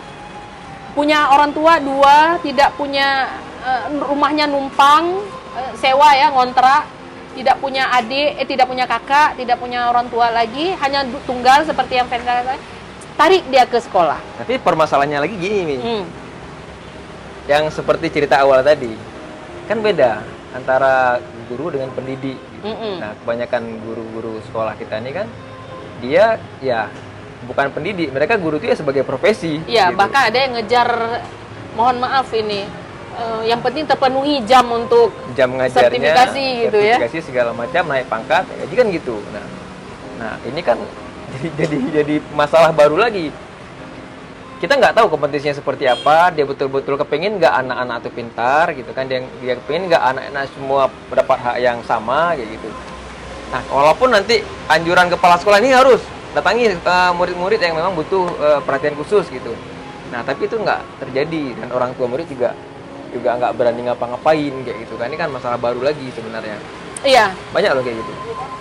makanya eh, di poin-poin terakhir kepala sekolah kalau kami nih karena orang manajemen tuh kan memang ngurusin tentang eh, kepemimpinan nggak ngajar kita nggak nggak bidang studi itu kita nggak ini nggak fokus kita fokusnya di leadership kepala sekolah itu disebut dia dengan top leader makna top leader itu kemampuan dia bagaimana menyelesaikan masalah bagaimana mengambil keputusan ketegasan dia untuk bagaimana membuat guru-gurunya bisa bekerja dengan hati dari hati. Anak sendiri itu seolah-olah berasa anak dia sendiri. Itu bukan menjadi tugas guru saja. Ada guru yang tidak tersentuh hatinya pada Ya. saat dia sudah menjadi guru, bahkan kadang-kala udah 10, 15, 20 tahun tapi belum tersentuh hatinya. Ada guru yang baru tiga tahun ngajar itu anak orang udah seperti anak dia sendiri. Memang passionnya gitu ya. Memang passionnya di situ, stylenya Jadi, memang di situ. Ini ada nggak dalam buku kepala sekolah dan guru pendidikan? Ada ya. Ada di dalam uh, buku terakhir saya saya menulis tentang itu bagaimana guru profesional. Oh itu buku terakhir tuh? Iya, itu bu- buku yang keempat. Insya Allah bukan buku terakhir. Nah, Nggak, yang terakhir yang udah di- Iya, iya, iya. Ini Ya, lagi itu. menyelesaikan buku udah. kelima, Insya Allah. Eh, kompetensi guru itu ada empat. Kompetensi profesional, kompetensi pedagogik, itulah mengajar dan mendidik Iya. tadi. Kalau kompetensi profesional itu dia mengajar sesuai dengan ijazah dia. Kemudian kompetensi sosialnya, bagaimana interaksi dia. Nah, saat corona seperti inilah dia menjalankan kompetensi sosial dia. Bagaimana dia ngomong dengan orang tua, bagaimana dia ngomong dengan masyarakat. Iya. Pak, tolong lihat ya anak saya kalau ada yang ke warung kopi bapak tegur sebentar. Kita nggak mungkin, nggak ada anak Jakarta, anak Kalimantan yang sekolah di min model nggak mungkin. Pasti anak sekitaran itu. Betul. Ya tinggal lihat apa warung kopi di dekat min model itu. Katakanlah Dedi misalnya, tinggal datengin yang punya itu, Pak. Kalau ada anak saya yang seragam min atau anak yang muka-muka Iya. anak min, tolong ditegur Pak ya. Jadi kompetensi sebenarnya. Kompetensi sosial sebenarnya gampang sekali kita ngontrol. Kemudian yang terakhir kompetensi kepribadian. Guru itu harus punya empat kompetensi ini. Dalam masa corona yang sedang diuji guru-guru ini sedang diuji kompetensi kepribadiannya dan kompetensi sosialnya. Kalau pedagogik sama profesional sebelum corona pun mereka sudah bergelut dengan Iya. itu. Tapi kalau kepribadian sama sosial saat inilah sedang dipantau oleh masyarakat luas. Bagaimana kompetensi kepribadian guru? Bisakah guru dengan itu ada loh di Jawa di pedalaman Hmm. mengayuh sepeda mengunjungi rumah salah seorang murid yang murid itu tidak punya smartphone. Itu ada. Oh ya. Ada guru yang mengunjungi saya lupa apa Tasikmalaya ya. Saya lupa daerah mana. Saya pernah baca itu ada guru Berarti ada keresahan dalam dirinya Iya. kayak gitu. berarti dia benar-benar menyatu profesi dia sebagai guru dengan hati dia. Betul. Jadi seperti itu. Nah, kalau memang tidak muncul kompetensi itu di guru, maka tanggung jawabnya adalah kepala sekolah sebagai top leader. Kepala sekolah itu yang harus mensupervisi guru. Kepala sekolah sebagai motivator dia harus memotivasi guru.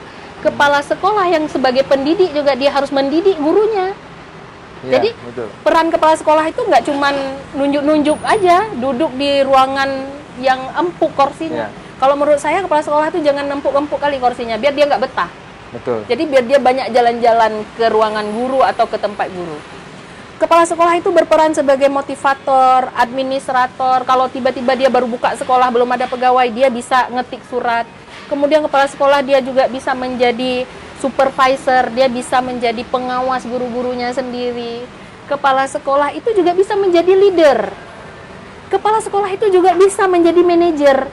Sekolah-sekolah yang yang mohon maaf yang kaya, yang bonafit, saya pernah men- eh, menjadi konsultan di di e- salah satu SD di Bontang Kalimantan. Kebetulan em, eh, konsultannya dosen saya Ibrahim Bafadal. Kemudian beliau diun- dipanggil ke Jakarta menjadi salah satu direktur.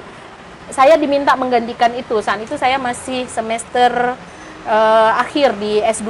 Saya pergi ke Kalimantan itu di daerah Bontang, di salah satu SD di Bontang itu. Sekolah-sekolah yang sudah bonafit, manajer itu bukan kepala sekolah, tapi orang lain yang ditunjuk untuk mengelola lembaga itu. Jadi manajer itu memang secara sistem tidak nampak di struktur. Orang yang paham manajemen intinya. Orang yang paham manajemen nggak boleh sembarangan itu dan bayarannya mahal kalau manajer itu. Iya. Nah, sama kayak manajer perusahaan.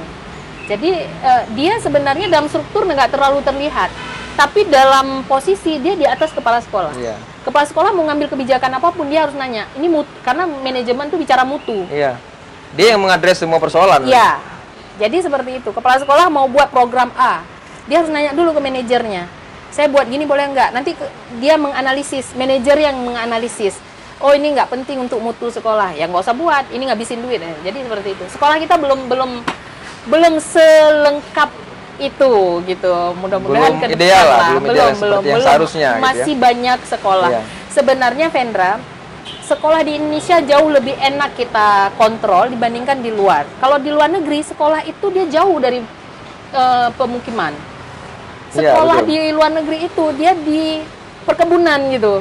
Bukan di perkebunan apa ya? Pokoknya dia Tempat yang terasing lah. tempat yang nggak jauh. terasing, tidak hingar-bingar. Coba cari satu aja sekolah di Indonesia yang ber- berada terpisah dari masyarakat. Nggak ada. Kita Iya. semua Di tengah-tengah di tengah-tengah masyarakat. pemukiman ya? Bahkan kadang-kadang suara musik dangdut di rumah aja dengar sampai ke sekolah. Segitu dekatnya kita. Sebenarnya enak mengontrolnya sebenarnya. Lebih enak kalau kita mau. Jadi seperti itu. Betul. Ada yang ini Bu? Ada yang mulai masuk belum ada ya? Kalau Mbak ada, ya. Saya sedikit mau tadi belum sempat menyentuh ke peran pemerintah tadi ya. Itu masih unik, Boleh, masih boleh, dikit. masih penting untuk kita bicarakan. Eh, pemerintah itu harus hadir eh, dalam kondisi ini kritis. Kritis tidak hanya ekonomi, tapi pendidikan. Coba bayangkan kalau anak-anak kita loss aja dalam satu semester loss karena corona ini, maka siapa yang ngurusin negara ke depan?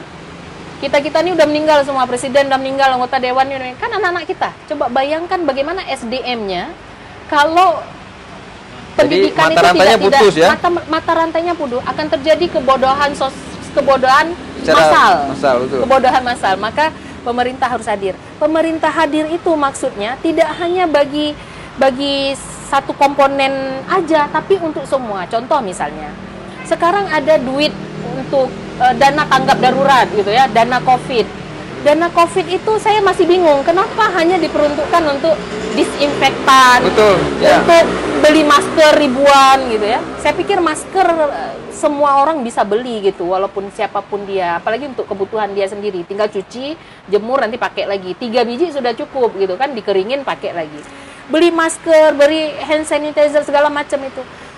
Tapi kenapa tidak ada peruntukan dana dana Covid itu misalnya untuk membayar guru-guru pengajian yang dia hanya pemasukan lewat situ. Padahal dia itu tulang punggung keluarga. Guru-guru honor seperti cerita Pendra tadi.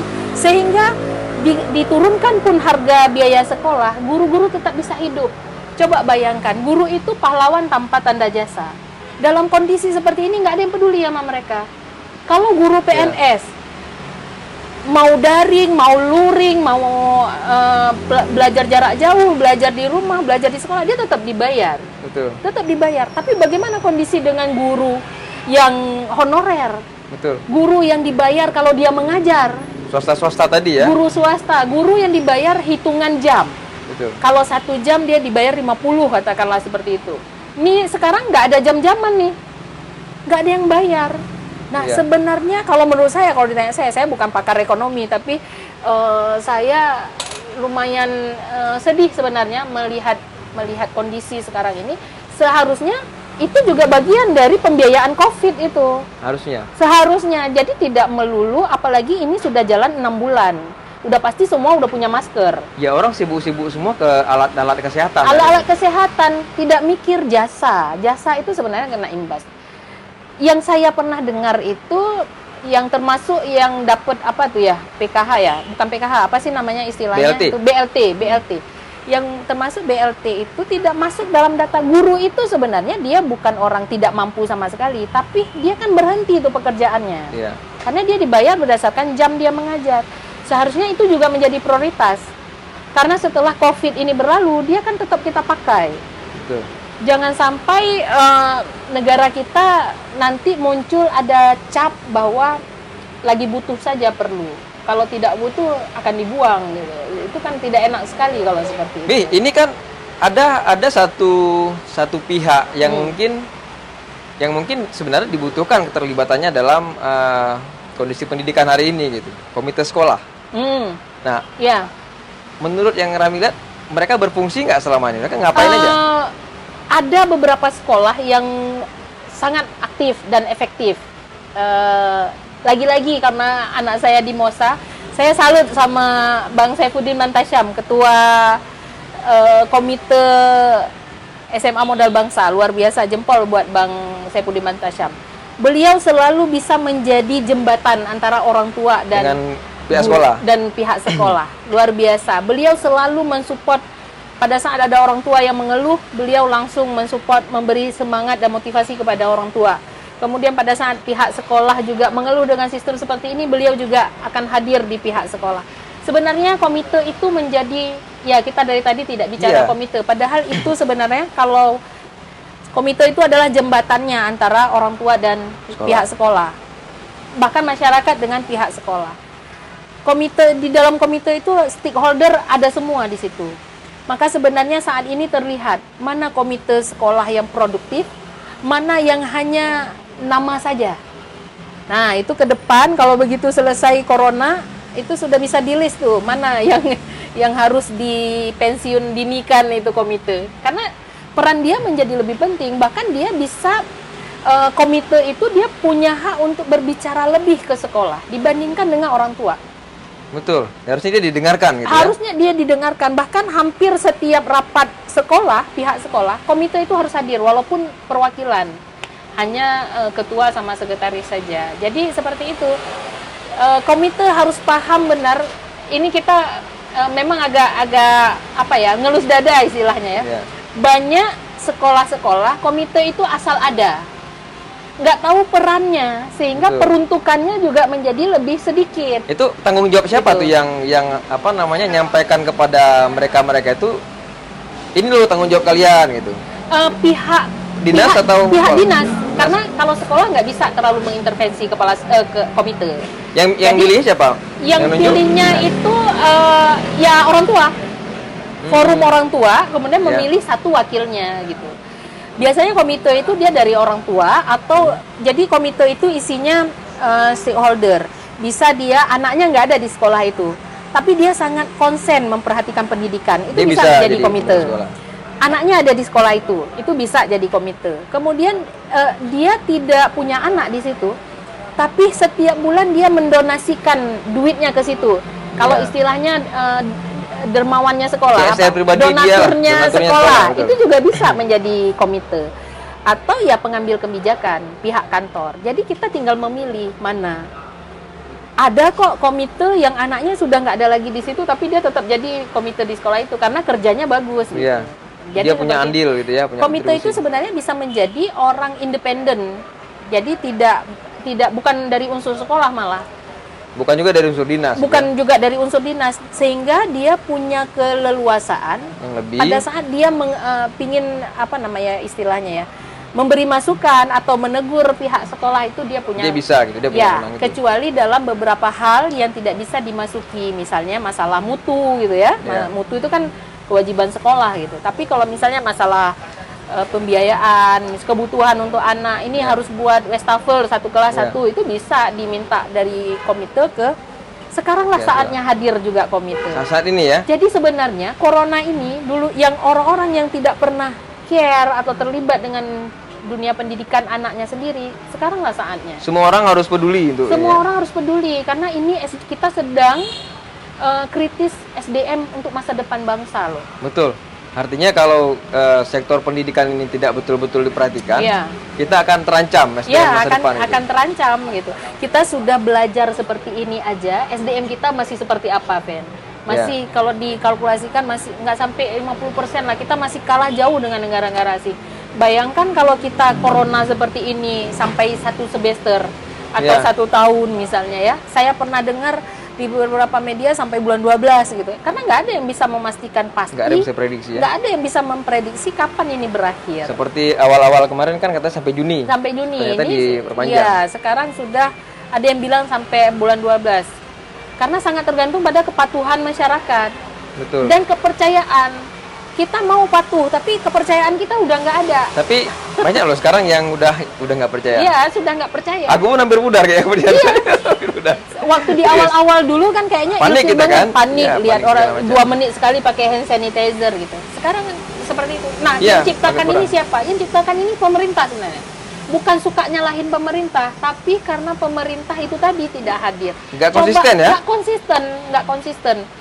Ehm, bahkan untuk di Aceh sendiri kita bilang kayak tadi itu masjid tuh kan telat telat sekali warung kopi tutup Dua udah. nggak sholat Jumat loh Mi. udah.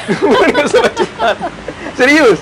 Terakhir pikir ini udah nggak betul nih masa kan? Orang ini aja. saya bicara, sering bicara sama bapak khususnya di rumah. Saya bilang masjid itu sebenarnya tidak perlu ditutup.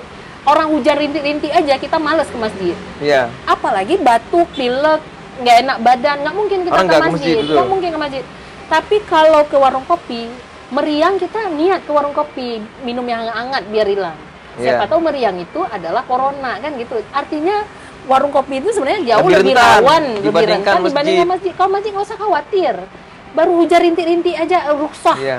Kalau hujan, padahal yang ruksah itu hujan deras. Hujan Apalagi lebat. Kan sebenarnya orang yang ke masjid itu biasanya dia mandi dia dulu, mandi dulu, bersih, sudah segala bersih macam, segala macam. Iya, jadi sebenarnya itu. Serius ketidak- ini sebenarnya aib nih, aku dua bulan nggak sholat Jumat. Di awal tapi, corona ya. Iya, tapi di awal corona. eh, ya itu tadi kan fikih modern yang dipakai, fikih modern. Tapi kita sebenarnya ati Allah wa ati rasul wa uli amri minkum. Jadi tak ya taatlah kepada Allah rasul-rasulnya dan uli amri pemimpin kamu yang sudah ditunjuk. Nanti berarti tanggung jawab dosanya itu di pemimpin. Di- di kalau mereka, pemimpin betul. sudah bilang kalau kamu takut menulari orang, jangan ke mana-mana, termasuk jangan ke masjid. Iya. Ya kalau nggak ke masjid, ternyata itu salah, berarti ulil amrinya itu yang Ya. nanti Tapi ketiban. sekarang sekarang udah masa bodoh bro ya, ke masjid ya terus lah apa-apa. Iya. Makanya karena ketidakkonsistenan itu sehingga Iya. akhirnya membuat masyarakat menjadi sedikit tidak percaya. Iya betul. Tidak percaya akhirnya membuat eh, itu nggak disiplin lagi. Udah udah nggak disiplin serius. Waktu awal-awal dulu kan, kita kalau- kalau pulang dari mana-mana itu baju buka, Baju buka. langsung mandi. Saya pernah ke Jakarta itu di awal-awal corona itu saya mandi di Oman. Ganti baju di Oman karena ada orang tua yang di, di rumah sakit, kakak kebetulan dokter di Jakarta. Jadi dia bilang, "Jangan langsung pulang ke rumah ya, di ada bapak." Jadi saya mandi. Jadi yang jemput masukkan baju ganti di dalam tas. Saya sampai di Oman mandi dulu ganti baju baru pulang. Koper saya itu sampai seharian di bawah matahari di rumah. Jadi gitu parno sekali Iya. dulu, tapi sekarang udah Tapi ini kayaknya udah kendor ya semuanya ya, Iya, udah udah, kendor. udah. Oke, Eh, kita close ya. Oke, terima kasih kawan-kawan yang udah gabung, udah join di kegiatan ada apa di program eh, apa namanya bincang sore tentang pendidikan kita hari ini. Ya, Eh, mudah-mudahan bermanfaat.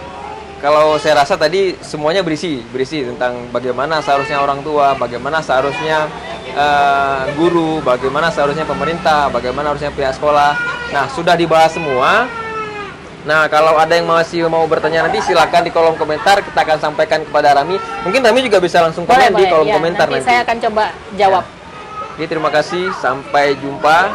Intinya 3S. Sharing santai namun serius. Jadikan semua lebih baik ketika kita tahu apa yang sebenarnya terjadi. Apa yang sebelumnya masih terlihat abu-abu. Assalamualaikum warahmatullahi wabarakatuh.